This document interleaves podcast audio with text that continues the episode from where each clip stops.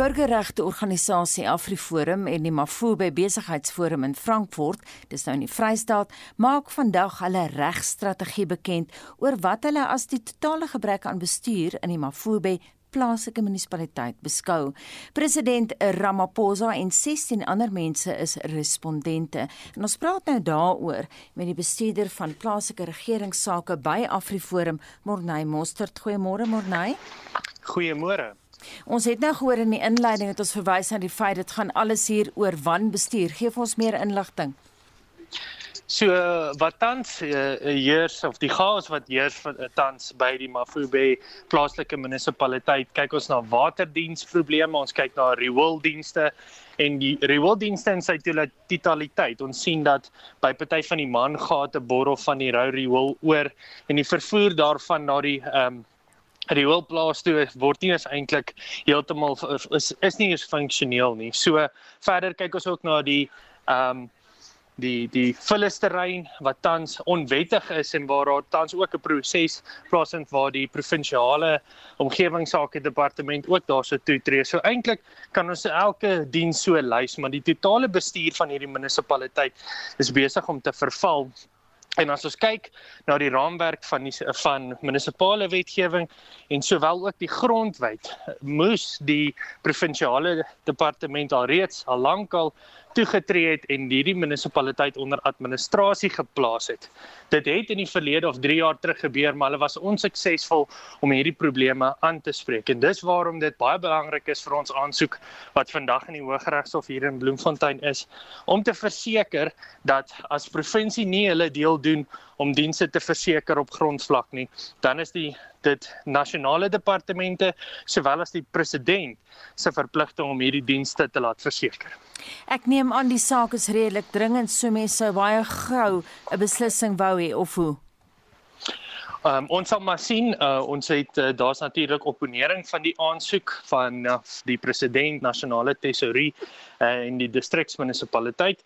So ons gaan vandag die argumente voortsit in die hof. Natuurlik sou mens graag eerder vroeër as later 'n bevel wou kry, maar ek dink ook die aard van hierdie saak uh, is ook 'n jy weet moet die regter ook 'n klomp verskillende feite oorweeg in in die besluit wat hy gaan neem.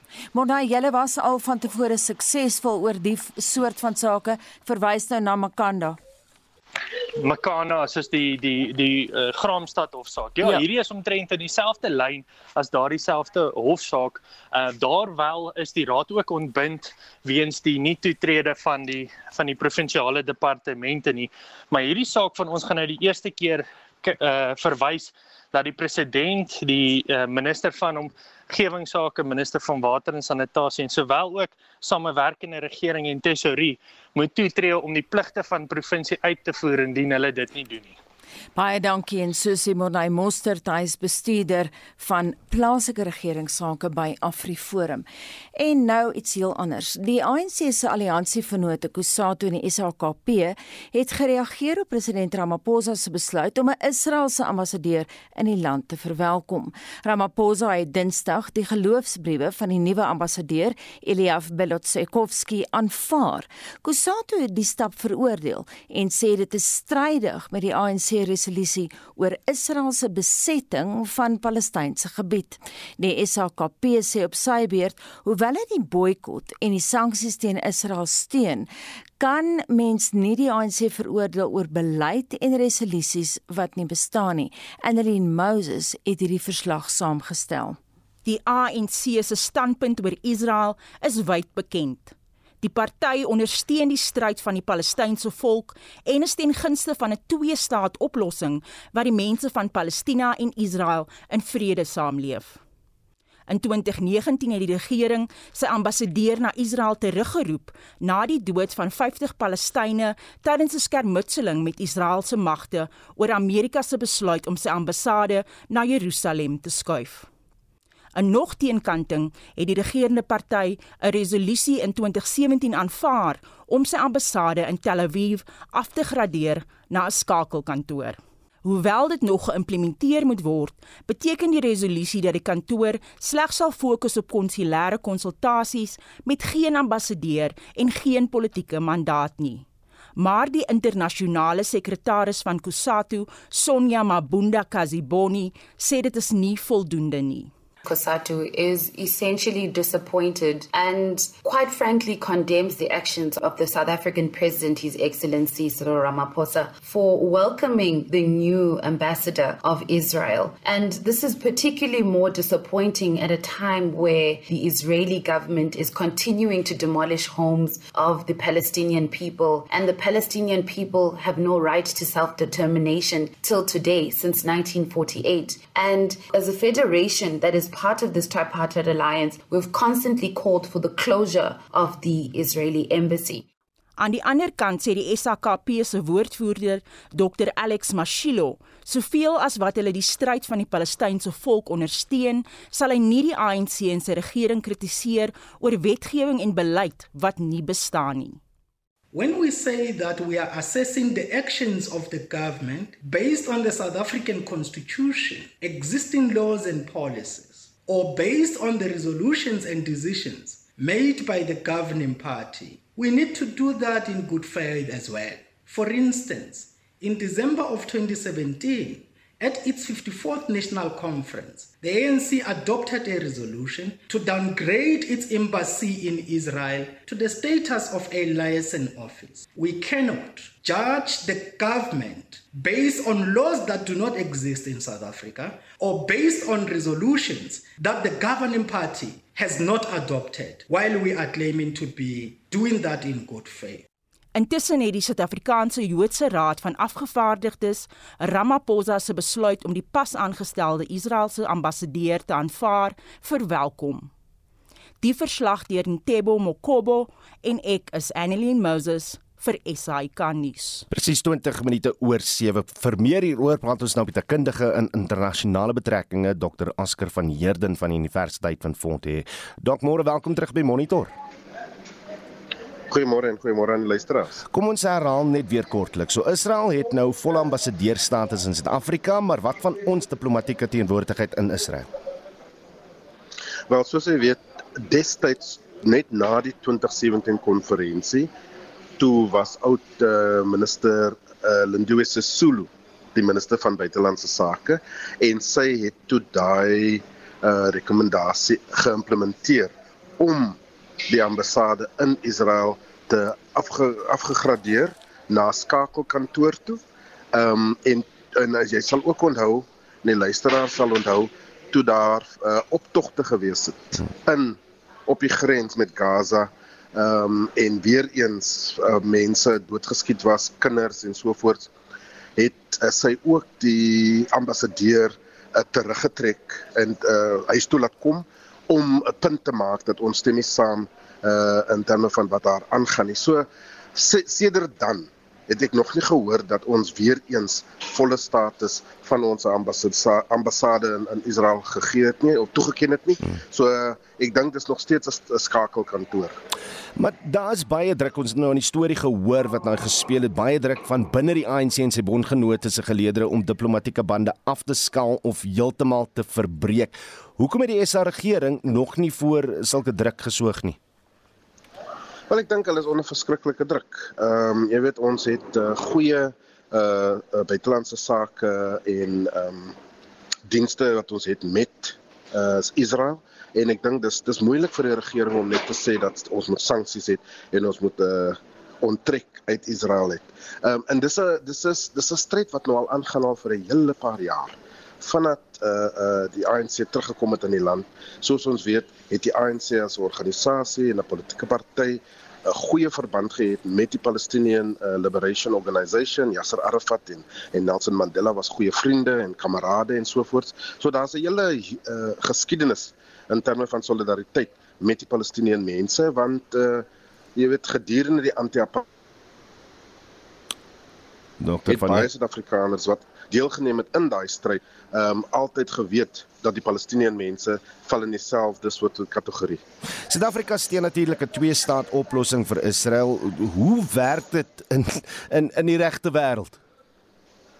Wel kyk, ek dink in in in die jare toe die Oslo uh, ooreenkoms gemaak was en gepraat was ten, in terme van twee-staats uh, oplossing, was daar nog land en uh, territorialiteit vir die Palestiniërs. Maar destyds, gegee die feit dat die Israeliese regering so baie van die land gevat het um, en hulle huise en, be, en behuising gebou het en so voort. Ek sien heeltemal seker of dit nog 'n oplossing is in terme van 'n twee-staat uh, oplossing nie, want daar is net nie genoeg 'n uh, land vir die Palestiniese mense om 'n uh, viable staat te hê nie.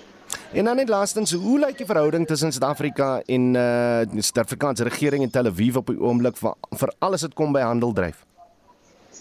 Wel dis baie goed. Dis dit is dis hoekom ek sê dat die die regering het 'n probleem om daar die, die nodige sanksies uh um te implementeer gegee die feit dat die sakebelegging en en so in die, in die verhouding so sterk is. En ek dink dit is die probleem wat uh, president Ramaphosa en voormalige presidente gehad het. En dit was 'n kundige op die gebied van internasionale betrekkinge Dr. Asker van Jerden.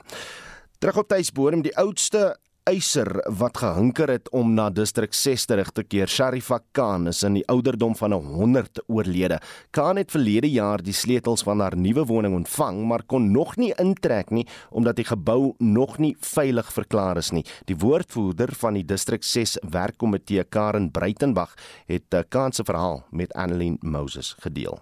Sy was hierdie simbool van hoop vir baie van die ander eisers. Die hele gemeenskap het na haar opgekyk. Sy was nog in haar ou dag in haar 90's het sy nog geveg vir restituisie.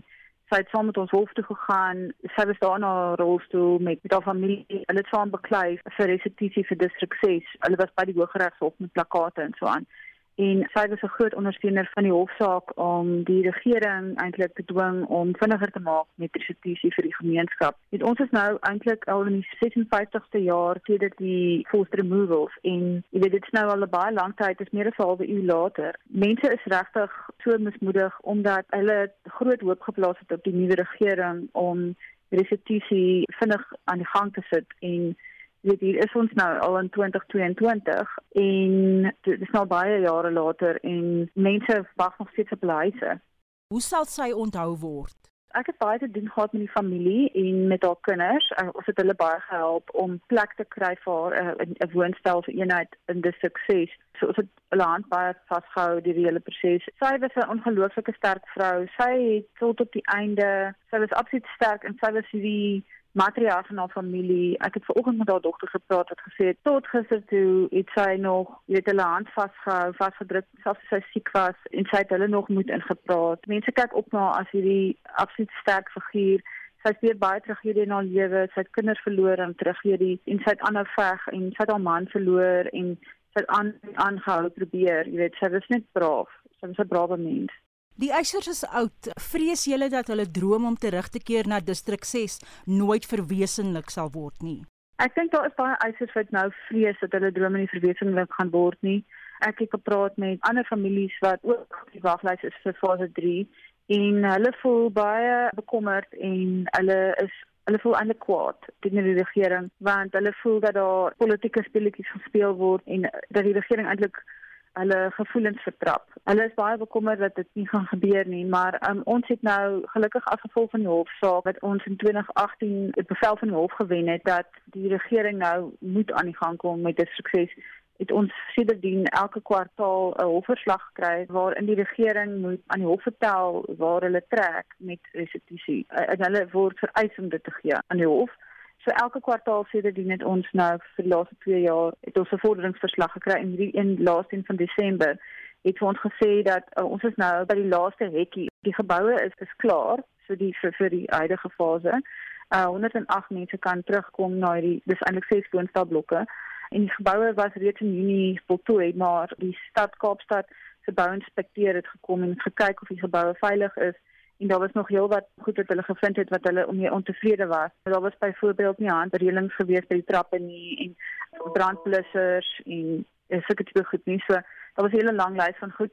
Hulle moet dit nou regstel. Anders gaan die stad nie vir hulle die wat hulle noem in Engels occupation certificate gee nie. En daai is die sertifikaat wat die eisers nodig het sodat hulle volle eienaarskap kan vat van die woonstelle. Die stad in Kaapstad het intussen wat hulle noem uh permission to use briewe uitgebreek wat beteken dat mense kan nou stadig aan begin intrek as die regering hulle sal toelaat en dan moet die, die nasionale regering nou net die laaste goed fix. Die regering, soos wat ons verstaan deur kontakte in die nasionale regering, voel hulle ongemaklik daarmee om mense terug te stuur terwyl alles nog nie reg is nie.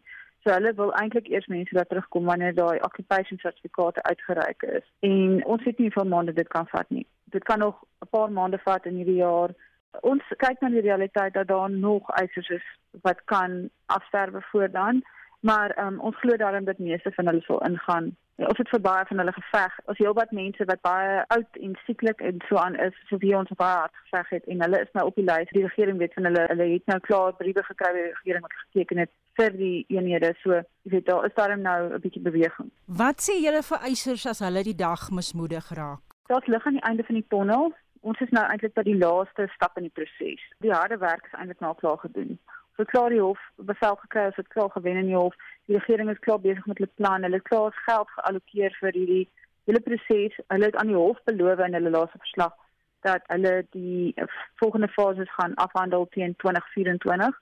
So 2024 is ons doelwit eintlik. En die distrik 6 werkskomitee sal nog steeds 'n waghond wees en ons sal kyk dat die regering hulle beloftes nakom. En as hulle dit nie doen nie, dan sal ons aanhou druk op hulle plaas deur die howe, deur briewe, deur vergaderings, deur die media, ons sal alles doen wat ons kan om seker te maak dat die regering hulle beloftes nakom. Dit was Karen Breitenberg, die woordvoerder van die distrik 6 werkkomitee en Annelien Moses het daardie onderhoud gevoer. En van daai einste SMS se gepraat, Marlenae, hoe lyk jou terugvoer? Ons wil weet of jy daarvoor sal instem dat of eerder daartoe sal instem om 'n derde van jou pensioenfonds te onttrek om byvoorbeeld skuld af te betaal of so. Op Facebook skryf Frikkie van Eden, dit is onnodig en dit moenie toegelaat word nie. 90% van die mense sal daarvoor gaan en dit dan op onnodige snert uitgee. Wanneer hy die dag aftree, gaan hy vasstel hy kan nie daarop oorleef nie en weer in die staat se oë moet kyk vir hulp. Dit is Frikkie van Eden wat so sê Bets Ferreira skryf op Facebook so besluit kan jou na aftrede in die hakskeen byt. En Cecilia Ferreira skryf los jou pensioen uit. Moenie krap voor dit nie. Juk nie bewaar dit vir jou ou dag. Maar dan die volgende SMS van Lizet uit Gauteng vir jare het ek alles moontlik finansiëel gesny. Ek's 'n alleen broodwinner en het 'n ongelooflike stres hieroor ervaar. Ek moes allerlei planne maak om te oorleef. So toe ek 50 was, het ek al my pensioen uitgekeer so ver moontlik en alle krediet toegemaak en afgelos. Dis die beste besluit wat ek ooit gedoen het. Dit is Lizet wat so skryf. Sy sê vir die eerste keer in my lewe leef ek normaal. Ek het steeds te min om te begin spaar. Engeland se rentekoers vir huishoudings is 0 0.2%. Ek het al 2 miljoen rand aan my 1 miljoen rand ehm um, verband afbetaal oor 20 jaar. So daar's steeds so 'n bietjie geld uitstaande, maar die instansies beroof 'n mens. En nog iemand skryf om 'n derde van 'n pensioen oortydig te mag gebruik is die domste, gevaarlikste en giftigste geelwortel om vir enige werknemer te hou. Wie gaan help as hulle aftree met 'n verlepte pensioen? Moenie dit doen nie, so sê Henk Roo uit Bochumsbaai. Jy het nog 'n aanlaas kans om met ons te gesels. Kan saamgesels op ons Facebookblad. Jy kan ook vir ons 'n SMS stuur 45889. Dit gaan jou R1.50 kos. Reg Marlene, bly net waar jy is en hier's vir jou ander hoetjie want dit is nou tyd vir wêreldnuus en in Afghanistan as die Taliban nou reeds 6 maande lank aan bewind maar kom toenemend te staan teen 'n ou vyand, die Islamitiese staat se ISK vleuel. Uh, en dit nou maar net te midde van swak ekonomiese omstandighede en 'n dreigende humanitêre uh, krisis. Ons praat 'n bietjie hieroor vanoggend want dis bitter selde dat mense enige nuus uit die land hoor, maar die BBC verslaggewer Yalda Hakim het besoek aan verskeie dele in Afghanistan afgelê. 'n Lid van die Taliban wat landmyne vir die groep in die Sangin provinsie geplant het, het dan nog gewys waar hulle een van hierdie ISK vestingse so woes het en hulle meen dis nie noodwendig 'n teken van swak regering nie. In all parts of the world, these kinds of incidents are seen, even the place where you can see the safest place in the world.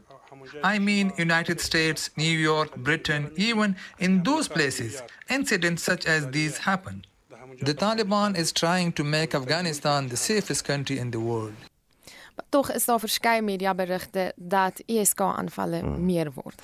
Nou, ek skien Amerika het Rusland se eis dat Oekraïne uit die Noord-Atlantiese Verdragsorganisasie verban word van die hand gewys. Dis deel van Amerika se reaksie op 'n lys eise oor NAVO en sekerheid kwessies wat deur Rusland verskaf is om die spanning op die grens met Oekraïne te ontlont. Daar word nou vir 'n geruime tyd lank gevrees dat Rusland gereed maak om Oekraïne binne te val. Amerika het sy staatspersoneel uit die land onttrek terwyl van die land se inwoners nou al begin om tasse met noodsaaklike items te pak indien hulle moet vlug soos die een. Matches needle, medicals, and bandage medicine. It's uh, unbelievable. Uh, so I understand that I'm living now in 21st century. I'm amazed that I should do this, that I should uh, pack this bag, but that this is what, uh, what I have to do to keep my family safe. Nou as mens so na die beeldmateriaal kyk in daardie stad, klink dit vir my asof hierdie die uitsondering is hierdie man want lewe op straat is soos wat dit nog altyd is en Kiev duur dit net voort sonder die spanning en die onsekerheid wat ons op internasionale vlak hmm. sien. Nou wat die eise betref, sê die Amerikaanse minister van buitelandse sake, Anthony Blinken, hy gaan nie toegee nie, maar dat hy aan Rusland belangrike diplomatieke pad daarso bied, so hulle wil baie graag hê die Russe moet kyk wat hulle sê. Ehm um, daar moet nou nog egter reaksie gegee word hier oor van Rusland se kant af oor NAVO en sekuriteitskwessies. En dan vanuit Amerika vra prins Andrew se regspan nou dat die saak teen hom deur 'n jury aangehoor word. En dis nou deel van 'n 11 bladsy dokument wat hy aan die hof gegee het en waar hy die aantuigings teen hom ontken. Hy ontken onder meer dat hy die toe 17-jarige Virginia Joffrey aangerand het seksueel omdat hy nie oor genoegsame bewyse beskik om die aantuigings te ontken of te erken nie. So dis een van die redes wat hy daar aanvoer vir sy onskuld. Die voormalige federale vervolger Joseph Moreno sê intussen 'n skikking buite die hof word nog nie op hierdie stadium heeltemal uitgesluit nie. It wouldn't shock me at all between now and a, and a trial to see something like that happen. Sometimes, though, there are cases where no amount of money will make them go away. There are times when, again, a, a victim wants their day in court. So ons nou maar sien wat hier gebeur en hoe dit uitspeel. Dit was Joseph Moreno, 'n voormalige federale vervolger in Amerika. En dit was Marlene Forsie met 'n wêreldnuus oorsig. Hier is Shaun Jooste nou met die jongste sportnuus.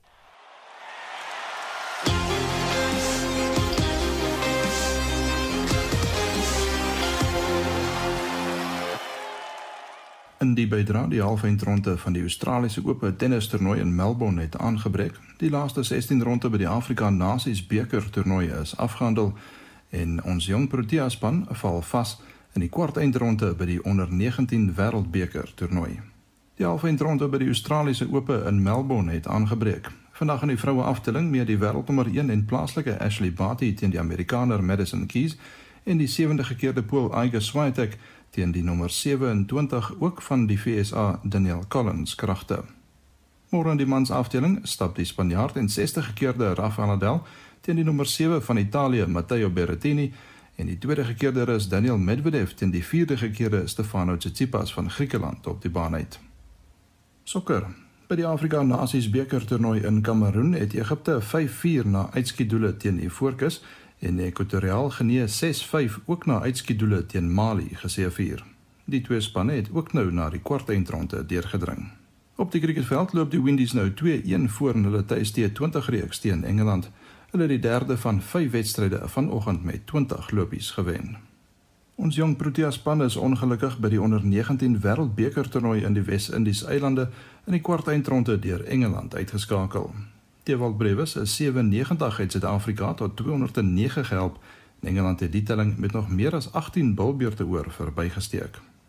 Die plaaslike vierdagreeks word vandag voortgesit.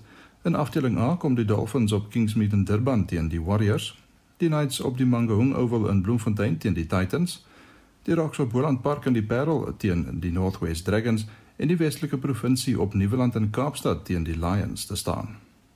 En laastens op die golfbaan is die Amerikaner Billy Horschel op 9 onder die voorloper na die eerste ronde van die PGA Tour se Farmers Insurance Ope in San Diego. Die wêreldnommer 1 Gondram van Spanje is gesamentlik 5de op 6 onder en Suid-Afrika se Dylan Fratelli is gesamentlik 9de op 5 onder.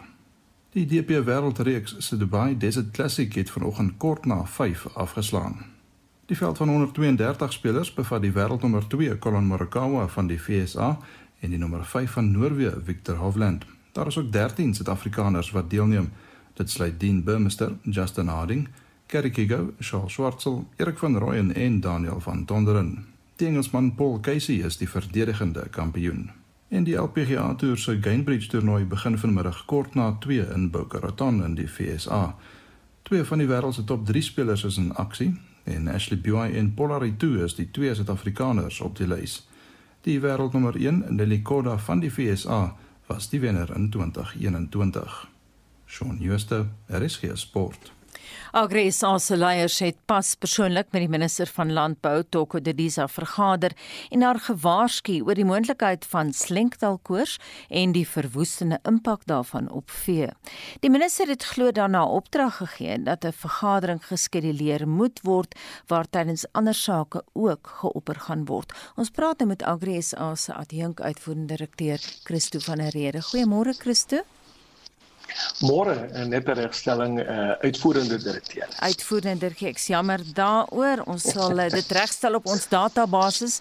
Ehm um, Christo, die sake wat nou wel geoffer geopper is, kom ons begin by daai slenkdalkoor. Hoe ernstig is daai gevaar? Uh, ons het die afgelope tyd uh, baie baie hoë reënval ervaar in baie gebiede en veral in ons somerreënvalgebiede en dit skep 'n teelaarde vir die uitbreek van slengdalkoors ook allerlei ander uh siektes wat 'n uh, groot gevaar inhou vir ons uh, lewende hawe kuddes. Ons weet uh, dat daar weer onlangs 'n uitbraak was van bekkenklous hier in KwaZulu-Natal. Ons sit met 'n uh, onderste poort wat op hierdie oomblik nie genoegsame ehm uh, uh, in industrie wil produseer nie en dit veroorsaak 'n baie groot krisis uh vir die industrie. En dit is waarom ons president uh, Jaco Minnar spesifiek hierdie aangeleentheid by die minister tuis gebring het. Wat daarna gebeur het uh, is dat die minister het onmiddellik 'n vergadering bymekaar geroep, uh, die nasionale dieregesondheidsforum onder leiding van Gerard Skutte uh, is ingeroep en uh, saam met die hele klomp spesialiste uh, in die gebied van uh, die siektes en uh, hulle het byvoorbeeld Christo, is jy nog daar? Nee, dit lyk my ons het vir uh, Christo van der Rede verloor. Ons gaan probeer om terug te kom na hom toe, maar nou eers ander nuus. 13 of liewer 17 minute voor 8. Die Nasionale Instituut vir Oordraagbare Siektes het maandag gewaarsku dat malaria ver verkeerdelik as COVID-19 gediagnoseer is. 'n Mediese wetenskaplike by die instituut, Dr. Jayshri Raman, sê hoewel malaria gevalle tydens die COVID-19 pandemie verminder het, styg dit nou na mate mense weer oor grense begin beweeg. Metsi van der Merwe doen verslag. Die toename in malaria gevalle en sterftes is volgens dokter Jayshri Raman ook nou in sekere gebiede in Suid-Afrika sigbaar. We're actually beginning to see that very clearly now. Where KwaZulu-Natal has gone from reporting under 30 cases in the past few months to over 97 cases already this month, and in Mpumalanga going from under 100 in December to over 250 cases already for January. Unfortunately, in Limpopo, there's a bit of delay, so but we do expect the cases to have gone up there as well, as well as deaths. Die probleem is as malaria te laat of glad nie as 'n siekte gediagnoseer word nie. And it's really driven by the fact that both COVID-19 and malaria share very similar symptoms in terms of being very non-specific that include fever, flu-like illness, headaches, fatigue, muscle and joint pain. What's happened is now patients are thinking that they have flu or COVID 19, are presenting at healthcare facilities very late. And when they do present, they are only considering that they have COVID or the flu and not considering malaria. And this is all further compounded by the fact that healthcare providers haven't seen very malaria cases in the past year or year and a half. So they themselves are not considering malaria and fever cases of people that reside in malaria endemic areas or have traveled. Die aandag is op die coronavirus. And so they are only, only testing for COVID 19 as well. And this is a huge problem because untreated malaria rapidly progresses to severe disease, unfortunately, often with fatalities in non immune individuals, which is all of South Africa given our low transmission. So, our treatment guidelines are very, very clear, and it states that anyone with fever that resides or has traveled to a malaria area in the last six weeks must be tested for malaria by a rapid diagnostic test or microscopy. Dr. Aman sê dit is gevaarlik So if anyone tests positive for malaria, they must be started with treatment immediately. Do not wait for any other results, particularly a COVID result. You must start the malaria treatment immediately. Our standard treatment in South Africa is still very effective, and so it should be taken. And if patients unfortunately have severe malaria, they should be treated with IV artesunate, which is significantly better than our second line treatment, which is IV quinine. Malaria kom in die noordooste van Suid-Afrika aan die grense met Botswana, Zimbabwe, Mosambiek en Eswatini voor. Sy sê mense wat hierdie areas besoek, moet voorsorg tref. We strongly recommend people consider taking chemoprophylactics. They are very effective and they do not mask malaria symptoms as common urban legend has. In addition to chemoprophylaxis, people should consider using non pharmaceutical measures, which include using DEET based insecticide repellents. And if outdoors after sundown, you should wear long sleeve shirts, long trousers, and socks. I know this is awful in summer, but that is one way to prevent mosquitoes from biting you. Die instituut het data van 'n toename in 'n spesifieke tipe malaria gemerk. We just want to raise awareness about is the increasing incidence of something that is known as a Odyssean or taxi malaria. And these are malaria infections in individuals who have no recent travel to a malaria endemic area. And it's caused by a mosquito that is infected that has traveled from an endemic area to a non endemic area. And unfortunately, these cases are associated with high fatality rates because there's delayed detection and delayed treatment. So we're urging patients to let healthcare providers know of close family members or neighbors that travel regularly to malaria risk areas. Die tipe malaria kom van malaria gebiede. Or if they live in proximity to uh, major highways, ports of entry, or transport hubs where these hitchhiking mosquitoes can be found so that malaria can be considered. And healthcare providers must also consider malaria in fever patients who are getting progressively ill but do have no recent travel and have low platelet counts. Dr. Jayshri Raman is 'n mediese wetenskaplike by die Nasionale Instituut vir Oordraagbare Siektes. Mitsi van der Merwe SAK nuus. Nou as jy vroeër na monitor geluister het, sal jy weet dat ons Christo van 'n rede verloor het. Die goeie nuus is ons het hom terug. Het ons jou nou, Christo? Inderdaad, jammer ek weet nie wat het gebeur. Ons praat nou met Agres as uitvoerende direkteur Christo van der Rede wat pas eh, vergader het met die minister van Landbou Toko Dedisa. Ons het gepraat oor die feit dat hulle uh, gesels het oor slengtaalkoors en so aan en hoe ernstig die uitbreking is en hoe hulle dit gaan hanteer. Wat was die minister se reaksie het sy enigiets voorgestel in die verband Christo? Ja, 'n Dag later het die minister ons kantoor weer geskakel uh, en genoem dat hulle wil die uh, uh, hele span bymekaar trek. Uh onder andere die nasionale diere gesondheidsforum onder leiding van Gerard Skutte wat ook die hoofbestuurder is van die RPO en dan daarmee saam ook al die uh, belangrike uh, instellings wat uh gemoeid is met diere gesondheid. Uh die OBP as ook OVI en die uh landbou navorsingsraad so al hierdie mense was teenwoordig uh, minister en uh, die het ons geleentheid gegee om ons uh, kwessies op die tafel te sit.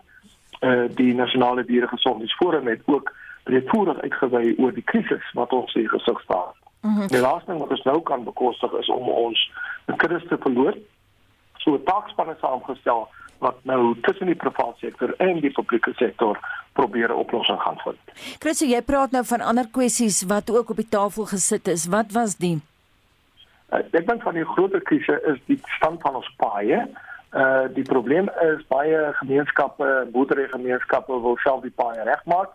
Uh maar uh, ongelukkig verbied die wet jou.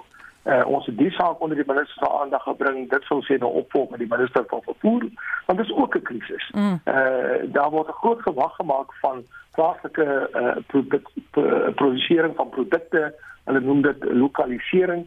Maar as dan nie paaie is nie, eh, dan baat dit mos niks. En landbou is die beste voorbeeld van lokalisering. En uh, 'n boer moet tog in staat wees om sy produkte van die mm. plaas aan die mark te vervoer. So dit is 'n belangrike kwessie vir ons en dit gaan ons nou opvolg en dan het ons uh, volgende week 'n gesprek oor die hawens. Nou uh, Hotgrow en uh, die sitrusboere is bitter ontevrede oor die stand van die hawens. Ons kan nie ons goed betyds uitgevoer kry nie van ons produkte vrot op die hawens. So uh, ons het al gesprek met Trans aan om te kyk hoe die industrie en die staat kan by mekaar kom om 'n oplossing met daardie krisis op te vind. Chris, net een laaste vraag. Jy sê nou die minister het eendag later teruggekom na julle toe, soos hy het vinnig werk gemaak oor uh, of liewer van slengtaalkoors, maar hoe sou jy julle verhouding met haar beskryf? Kyk, uh, ons het hierdie verhouding met die staat reeds tydens ons kongres uh jy weet na 'n volgende rad oorgeskakel. Want dit is een ding om buitekant te staan en te staan en skreeu en skree. Jy weet ek sê altyd die beste spelers staan ons maar gewoonlik op die kant lê. Maar ons moet deel word van daai wedstryd. So ons het ons amptenare nou uh in die nasionale ramp uh, op bestuursentrum uh en uh, ons weet verlede week is uh baie van die gebiede wat aan die vloede deurgeloop, dit is nou as rampgebiede verklaar. Uh en dan uh, maak ons seker dat ons op die hoogste vlak op netlek vlak op by die presidentskap ons uh, stem laat geld. Ek het ook die saak van baie tydens ons ontmoeting met die presidentskap en kabinet op die tafel gesit. Uh, jy weet en dit is hoe ons probeer om 'n uh, uh, verskil te maak in terme van uh die omstandighede in die land. Uh of dit gaan werk, sal die tyd ons leer, maar wat is die alternatief? En daai vraag word gevra deur Agri SA se uitvoerende direkteur Christo van der Rede. Net so 'n bietjie meer as 8 minute voor ons tot sien sê en die nuwensgewende organisasie Meals on Wheels het tot die redding van 18 seevaarders gekom wat al sowat 5 jaar lank in die Durbanse hawe gestrand is. Hulle beman 3 skepe wat deur die eienaars in die steek gelaat is deur nie salarisse te betaal of in die skepe se behoeftes behoeftes te voorsien nie. Die Suid-Afrikaanse Maritieme Veiligheidsowerheid SAMSA is betrokke by voortges voortgesette pogings om oplossings te vind. Dries Liebenberg berig. SAMSA Die welsynsorganisasie The Mission to Seafarers, gemeenskappe en vakbonde het in die afgelope jare almal ingespring om na die welstand van die bemanning van 3 skepe om te sien wat deur die eienaars in die Durbanse hawe in die steek gelaat is. Weens die impak van die COVID-19 pandemie kon die Mission to Seafarers egter nie meer kos aan die bemannings verskaf nie. Meals on Wheels se waarnemende direkteur in KwaZulu-Natal, Gershon Naidu, sê hulle sal sorg dat die seevaders nie honger ly nie, ongeag hoe lank hulle nog gestrand mag wees. Naidu sê Samsa se versoek het hom veral na aan die hart gelê omdat sy pa ook 'n seevaarder was. When we arrived the next morning with the food, we heard the sad story of these sailors that had been abandoned by their company. They hadn't been paid, they don't have money for food, and it's really, really a sad story. And we, we managed to give them enough food that will last them for at least a month. And then when we were on board, the one guy said to the other one, Okay, this is nice food, but our diesel is almost out. And when our diesel is out, then we don't have anything to cook the food with. So then we immediately made a few phone calls and we managed to get two gas stoves for them. So at least now they can cook the food uh, that we've donated to them. Die seevaarders is maande laas betaal. Hulle kan nie die skepe verlaat nie en wanneer die kragopwekkers se diesel op is, word die kajuite bloedig warm.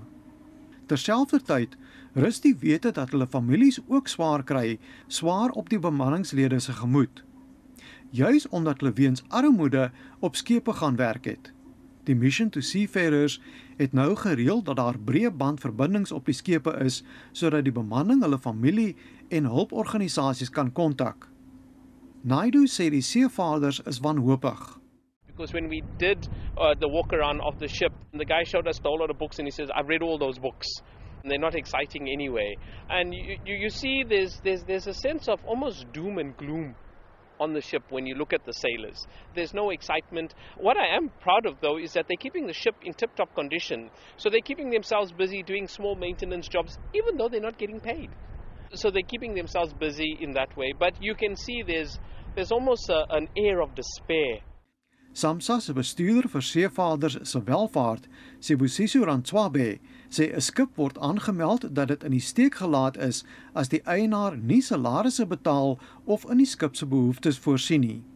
Rantswabe verduidelik dat bemannings dikwels aan boord bly in die hoop dat hulle op dië manier hulle agterstallige salarisse sal kry. So they didn't want to leave the vessel because this is very important to the seafarers. They lose their hold on the vessel if they leave and, and they go home. Maybe, maybe say somebody come and say, we'll fly you back home. They will normally don't accept that kind of help because they want to hold on to the vessel. Once they go home, then they lose that hold on the vessel. Ranswabe sê SAMSA werk met verskeie instansies saam om die dooie punt te probeer oplos. Our responsibility first is the welfare of the crew to ensure that the crew are paid their salaries, to ensure that the crew are working in a safe environment and also are repatriated when requested. So we monitor these vessels, we communicate with the, with the owners, and we, we, we detain also the vessels for various safety infringements. And then we, we communicate with the flag state. The vessel has a flag state, which is in a country where the vessel is registered. Twee van die skepe behoort aan dieselfde maatskappy en het dienste aan olie en gasboortorings verskaf. Die ander is 'n tankskip waarop 'n Angolese bank beslag gelê het. Ranswabe sê dit gebeur selde dat skepe in Suid-Afrikaanse hawens in die steek gelaat word omdat handelskepe in bedryf gehou moet word. Tussen 2004 en 2020 is 456 skepe wêreldwyd in die steek gelaat en is meer as 5700 seevaarders geraak. Ek is Dries Liebenberg in Durban. Annelien, hoe lyk die dagboek vir Spectrum? Ons gee jou 'n blik op Eskom se operasionele gereedheid wanneer die uitvoerende hoof Andre de Ruyter die media vandag toespreek. Dan is daar 'n voorskou van die Reserwebank se monetêre beleidskomitee se besluit oor rentekoerse en 'n skerp stygings in kospryse het verbruikers ontkant gevang. Ja, ek sien Marlenae gee my 'n kwaai kyk. Niks persoonliks nie, ons het vir 'n oomblik vergeet. Ek het vergeet. Van die SMS'e mag gee tog vir ons terug. Ek is nie kwaad nie, Anita, hoe sê ek is net teleurgestel. nou gee vir ons daai terug ons vir man. Ons praat vir ouers oor of mense bereid sal wees om 'n derde van hulle pensioenfonds te onttrek um, om te help om hulle skuld te dag. Dis nou na uh, planne daar van die regering se kant af om miskien so ietsie vir ons moontlik te maak. Op die SMS lyn skryf iemand die gemors gaan veroorsaak dat mense langer as hulle geld gaan lewe. En nog iemand wat skryf dis Herman uit Rustenburg, my opinie, los jou pensioen. Verleng eerder die terugbetaling tydperk. Groetnis. En dan is daar Hannes wat sê moet onder geen omstandighede fondse onttrek van jou pensioen nie. Jy gaan dit nodig kry. Dit skryf hy sommer hier alles in hoofletters.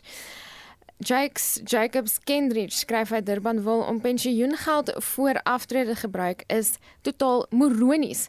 90% van die lede sal in elk geval nie gemaklik kan aftree op die normale aftrede ouderdom nie. Om nou hulle fonds met 'n derde plus te laat groei of te verloor sal aftrede onmoontlik maak. Dis 'n wenresep om te verseker dat almal op aftree ouderdom bakhande voor die regering gaan staan en Sandra stem saam.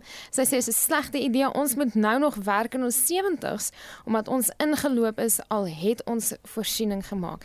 Maar ons geniet dit tog om besig te bly, maar moet klaarkom met baie minder as wat ons sou gehad het.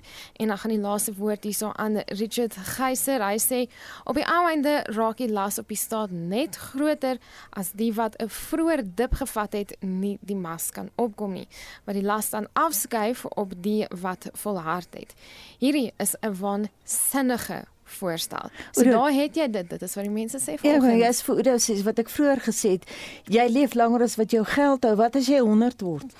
Ja, ek gaan nou nie 100 word nie, dis verseker, maar ek hoop tog die mense wat nou kommentaar gelewer het dat hulle ook by die regering bietjie kommentaar gaan lewer jy tot maandag toe om dit te doen wanneer jy het sterk emosies, sterk menings hieroor, uh, deel dit tog met die regering ook.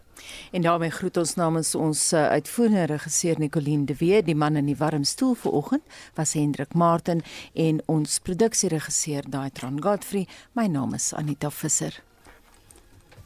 En ek is Oda Karelse.